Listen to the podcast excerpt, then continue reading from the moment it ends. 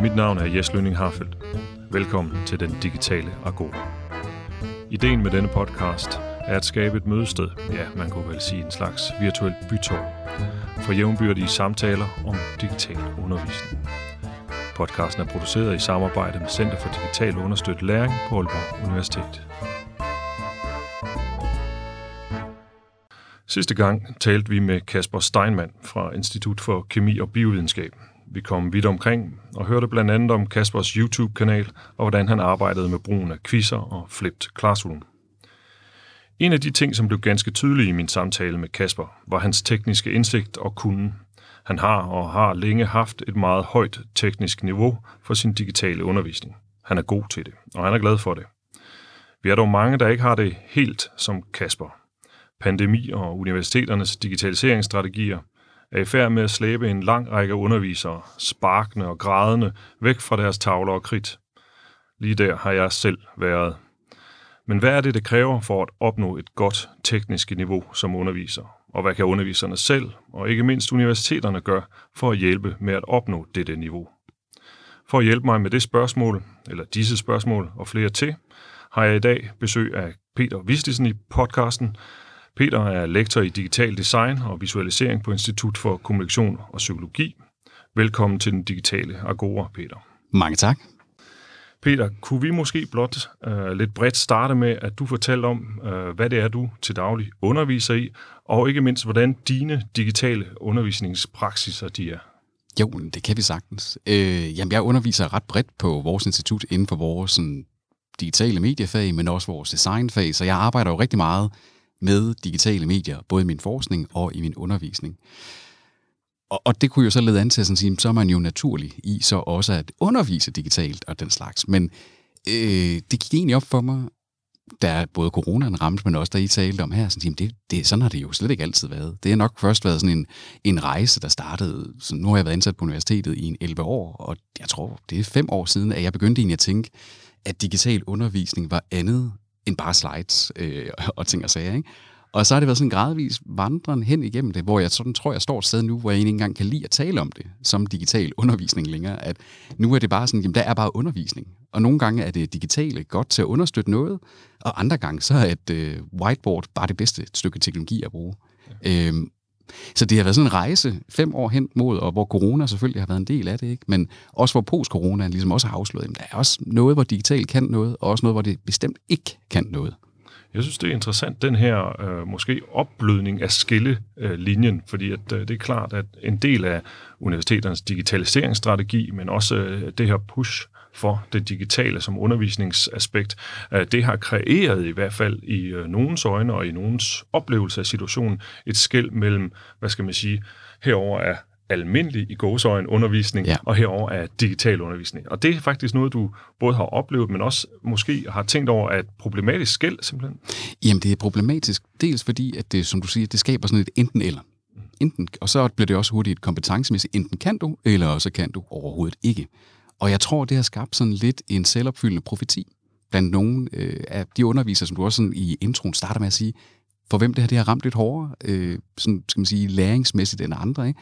at så bliver det lige pludselig i deres hoved meget hurtigt meget svært. Fordi, åh gud, så skal jeg til, og jeg skal dele mine slides, og jeg skal lave quizzer, skal vi have en Kahoot, skal vi bruge det der paddle, hvad er forskellen på det? Og så bliver det hurtigt et spørgsmål om, øh, hvorfor, hvor mange tools kan jeg næsten hælde på, og hvordan kan jeg udnytte Moodle bedst muligt? Og der er det også, som vi kunne høre i jeres sidste episode, ikke? at jamen, så er der nogen, der, har, der er gode til at gøre det, og, og synes, det er rigtig fedt. Og så er der også dem, der, der, der bliver skræmt af, at det næsten bliver sådan hævet ned, og siger, hvis jeg ikke gør det her, så har jeg jo valgt det digitale fra, så er jeg jo ikke digitalt understøttet. Og uha, hvad synes de studerende så om det? Hvad synes organisationen så om det? Hvor i stedet for, hvis man siger, jamen, hvornår er det egentlig, at, at vi har brug for et eller andet, som en computer bare kunne gøre bedre? Det kunne være til stemmer sammen, for eksempel i en hel, et helt auditorie. Jamen, det giver ikke særlig meget mening at stå og sælge 1, 2, 3, 4, 5, 6, 7 og så op til 100. Ikke? Der kan det være, at der er et andet redskab, der er bedre.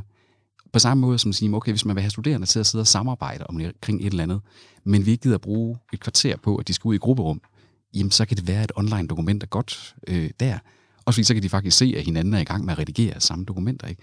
Men så bliver det, det bliver opgaven, i stedet for det der med at sådan sige, det skal være digitalt. Og ofte, så kan vi også se post-corona, så er det jo ikke digitalt alene. Det er jo digitalt plus, at vi ofte er til stede i et lokale sammen, eller vi har en eller anden form for stadigvæk fysisk undervisning, samvær og ting og sager. Og så er det digitale, jamen, nogle gange er det bare værktøjet, der kan noget. Men det er det, vi skal blive gode til. Det er den her med at tænke, hvornår er det digitale, det gør noget bedre? Eller i hvert fald supplerer noget, der kan gøre det fysiske bedre. Og ikke den der med at sådan sige, er du digital i din undervisning? Fordi Nej så tror, jeg, så tror jeg selv, sådan nogen som mig, der vil sådan, nok er relativt godt med på vognen, altså, så kommer vi også til kort. Og det er jo klart også, at uh, der er en vis øh, modstandskraft mod den slags uh, mere brede overall, lad os kalde det, koncepter fra oven, ikke? Ja. Altså, hvor, hvor der bare skal digitaliseres, dybest set for digitaliseringens Ja, skyld. fordi man kan. Ja. Øhm, lad mig tage fat i, i noget af det, du lige sagde der, fordi der er et meget interessant aspekt omkring det her med, øhm, kunne, du, kunne du ikke, øh, du kan selvfølgelig bruge eksempler, men også mere bredt tale om, er der nogle ting, du oplever som øh, nogle af de digitale værktøjer, eller, eller de digitale, øh, hvad skal man sige, tilgange, kan i højere grad, kan bedre end, end, end de ting, vi sådan, hvad skal man sige, hvis vi nu kun har tavlekridt og et lokale. Altså, er der, er der noget, du ser som, at, at her udvider vi horisonten for, hvad vi overhovedet kan med undervisning? Ja, og, og der taler man jo så også pa- sådan ind i det at sådan sige, hvordan kan det digitale lægges ovenpå det, den klassiske undervisning. Ja, det For der er også masser af hybrider, vi kunne snakke om der, ikke? nøjagtigt, men vi, vi, vi, jeg tænker ikke, ikke, vi behøver jo ikke at snakke om, at det, noget skal afløse noget. Nej, nej. Altså, hvad er, hvad er udvidelsen her? Jeg tror, udvidelsesaspektet, det er igen den der med at sådan sige, hvad er det for nogle ting, vi så arketypisk også gør? Vi, øh, vi forelæser, står og har et eller andet materiale, vi står og skal gengive øh, for nogle studerende i forhåbentlig ikke for lang tid, så keder vi dem ihjel. Og andre gange så har vi, at vi giver spørgsmål ud til klassen, og andre gange beder vi, når man siger, snak lige med sidemanden. Vi har de der klassiske formater, vi bruger i et undervisningslokale. Og jeg tror egentlig, at det digitale kan forstærke og forlænge alle de der situationer. Altså, en ting, jeg gør for eksempel i den helt klassiske tavleundervisning, jeg står med mine slides, der jeg bruger rigtig meget animationer i mine ting. Øh, ikke bare sådan noget slidet fader over til det andet, men sådan noget som også med at bygge en model løbende op ved at lade tingene animere ind, så vi ligesom tager bit by bit. Ikke også? Ja. Det er der mange, der ikke vil tænke, at sige, når det er det, de mener, når de siger digital undervisning. Men det er det jo sådan set. Det er jo sådan set, at du sådan siger, jamen, der er jo en grund til, at du skal behandle et slide, PowerPoint eller Keynote, eller hvad du nu bruger, som et diashow. Det er jo sådan set et tool, der kan alt muligt der, og det er få tryk. Det, er, det tager måske fem minutter at lære, hvordan man gør det, så du bygger en kompleks stykke information stille og roligt op i stedet for. Og det er jo sådan et lille greb, der forlænger det, som forelæsningen ellers kan. At der stadigvæk står et menneske, ikke også? Og det er stadigvæk mig, der taler, og de kan se mig og de ting, men vi bruger så det digitale til at understøtte, hvordan information bliver pakket ind. Ikke? Og her har vi konkret at gøre med øh, et program, som i hvert fald de fleste af os kender, netop PowerPoint. Helt altså, så, så vi snakker ikke om, at du har siddet ude i et animationsstudie og, Nej, nej, og nej. lavet et eller andet spændende med, med noget. Vel? Altså, det er. PowerPoint-funktionerne i de nyeste versioner, som har nogle elementer, som er animationselementer på en Præcis. eller anden måde. Ikke? Altså, Og altså nogle gange, altså jeg plejer, når- når jeg har hjulpet nogle kollegaer i gang med det her, så øh, nogle gange behøver du ikke engang de her lidt avancerede, sådan bevæget objektagtige. Du kan jo sådan set bare gå ind og så sige, et godt trick, det er jo, træk en hvid firkant. Som hvis du har en hvid baggrund i forvejen, og du har en model, du vil vise, jamen, træk nogle hvide firkanter hen foran nogle af noget teksten og animation, og, eller hvad hedder det, og så bare på de næste slide, slet firkanten. Ja. Og så har du sådan set animeret, som om den her model, den stille og roligt unpacker sig. Ja. Så det er også nogle gange med sådan, at at jeg, jeg, jeg kan godt lide ordet, at, sådan, at vi hacker lidt software til at gøre det, vi gerne vil, når vi skal undervise med det. Og øh, jeg prøver at uddanne mine kollegaer lidt i, at de skal tænke sådan lidt, hvordan, hvordan laver de det nemmeste hack? Altså, hvordan laver de sådan noget, hvor, vi, hvor man som i tv-kok snyder i forvejen, ja. ikke? også med at få noget til egentlig at virke øh, mere fedt, end det egentlig er, når man har siddet og lavet det. Fordi jeg sidder tit og tænker, ah, burde jeg ikke også lige have gjort noget mere ud af det, end at sidde og så lave en hvid firkant ind her, og få den til sådan at fade væk, og så kommer der noget tekst ind. Men det er basalt set det, og det får bare, øh, det skaber liv i den klassiske forelæsning. Ikke? Jeg, jeg, jeg er jo sådan en af dem, der, der, der er nogen, der har sagt, at den klassiske tavleundervisning, forelæsning, den er død, og den, den køber jeg ikke rigtig, den præmis. Altså, det handler bare om, hvordan vi også... det, det håber jeg heller ikke, uh, for min egen skyld. nej, nej, nej. Men der har været mange, der siger, at det er den kedeligste form for undervisning. Det behøver det ikke være. Det handler om, hvordan vi pakker det ind.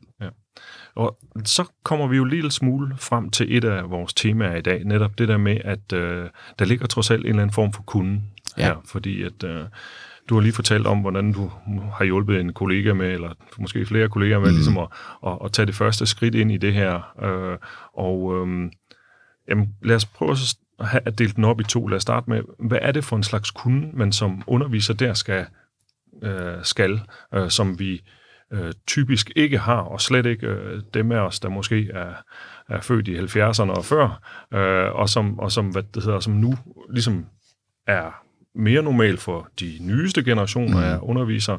Så hvad er det for en generel kunde? Og så bagefter, når vi har snakket lidt om det, hvordan får vi det, Ja. hvis vi ikke har det? Ja, det er jo, og det er jo to øh, virkelig gode spørgsmål, ikke også? Den, fordi det ville jo være dejligt, hvis man kunne sige, at der bare var sådan en vinderkompetence at have digitalt. Ikke? Og så, fordi så skulle vi bare lave et kursus, og så sende alle på det som del af deres PhD-kurser, eller adjunktpædagogikummer, og så var vi jo home free.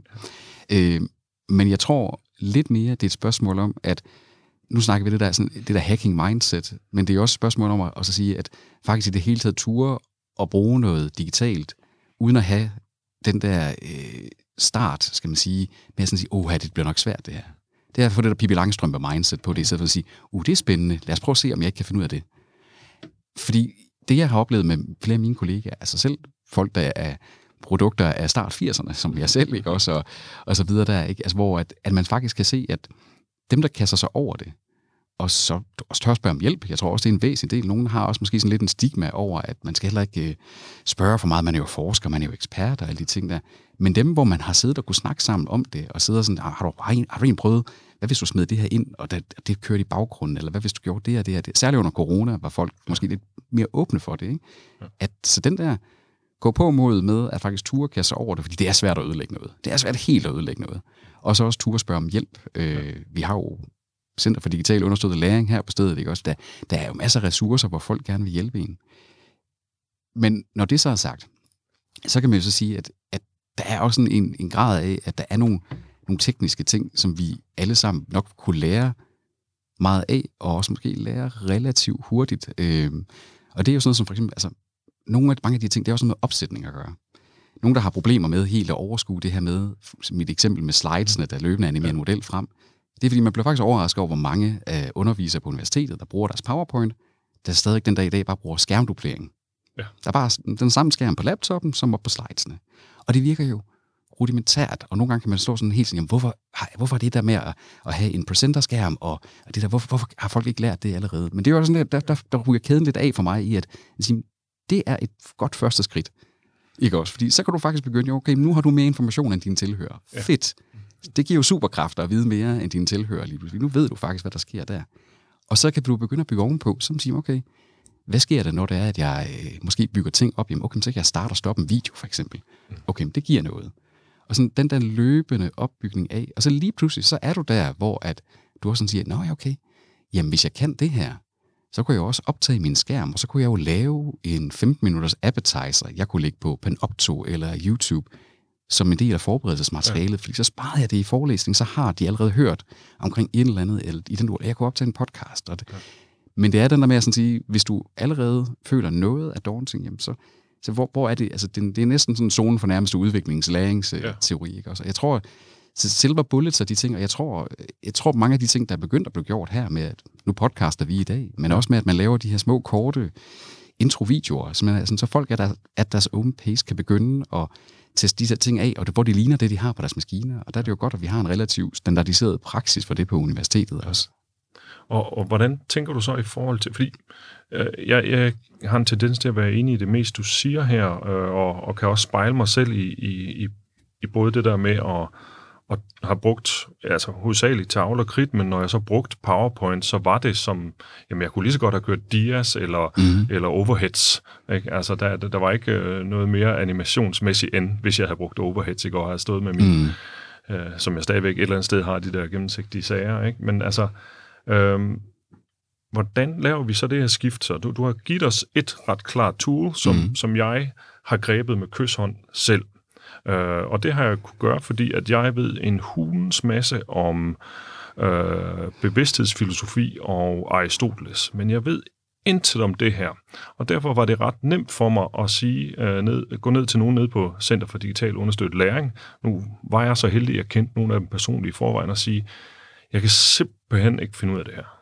Altså, jeg kunne godt tænke mig at gøre et eller andet. Mm. Og, og prøv at nu fortæller jeg dig, hvad jeg godt kunne tænke mig at gøre. Hvordan gør jeg det? Hvad er, hvad er, hvad er de teknologiske platforme?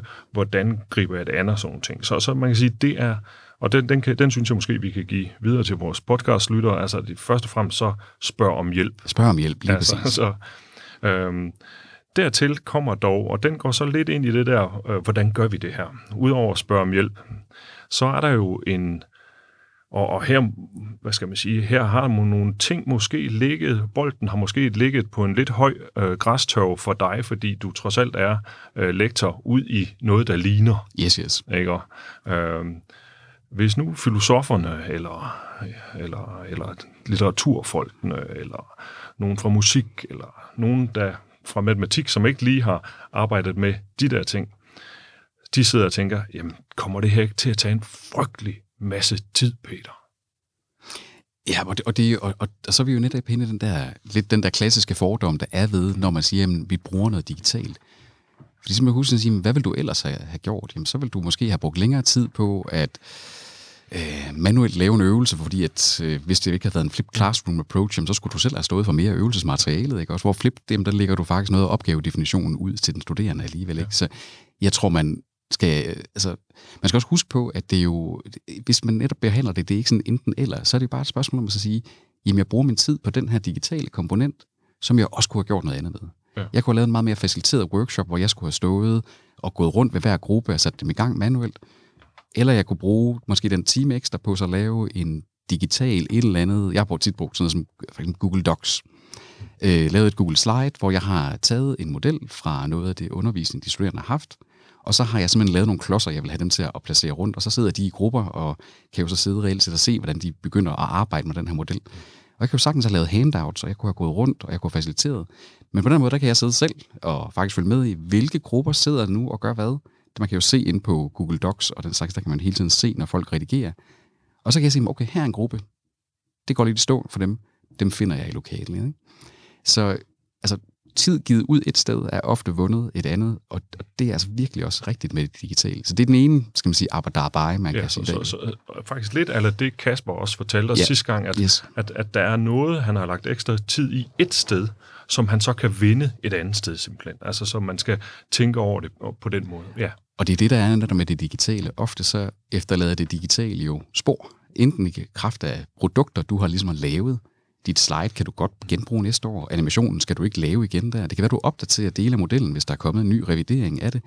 Men det er jo ofte sådan copy, copy and paste. Ikke? Øh, og på det samme med, hvis du laver... Jeg begynder at lave meget øh, til vores mere sådan teknologiske værktøjsundervisning. Studerende, der skal kunne betjene et stykke software øh, til at gøre et eller andet.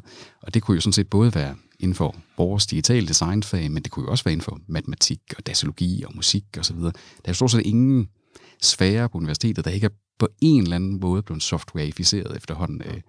Og øh, da jeg begyndte at lave sådan små kvarter til halvtimes intro, hvor jeg simpelthen bare sidder og optager mig selv, bruger softwaren, forklarer det osv., og lægger ud til de studerende. Og altså, det har jeg jo lukreret på nu i tre år, hvor jeg ikke har behøvet at opdatere den video. Ikke? Ja.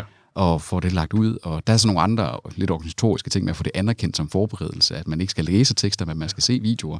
Øh, men det er sådan mere sådan en, nogle af de organisatoriske benspænd. Men det, det ændrer ikke på, at den tid, der er brugt der, og det tog selvfølgelig noget tid at lave den video godt, og, og få planlagt og, og de ting, jamen det gør jo, at jeg ikke skal stå, og så følger I med, hvad jeg gør med musen inde i klasselokalet, år efter år efter år. Nu kan jeg antage, at folk, hvis de har forberedt sig, så er de her, har gennemgået de her øvelser, når vi møder op, og så kan vi bare nå at lave meget mere i den tid, vi har fælles ja. sammen. Ikke? Og det er en anden del af det. Det er jo ikke bare, at det sparer tid.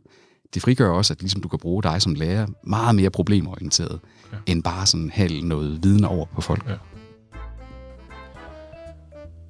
Det var så første del af den spændende samtale med Peter Vistisen. Lyt med i næste afsnit, hvor samtalen fortsætter og kommer omkring blandt andet undervisningsforberedelse og hybrid undervisning.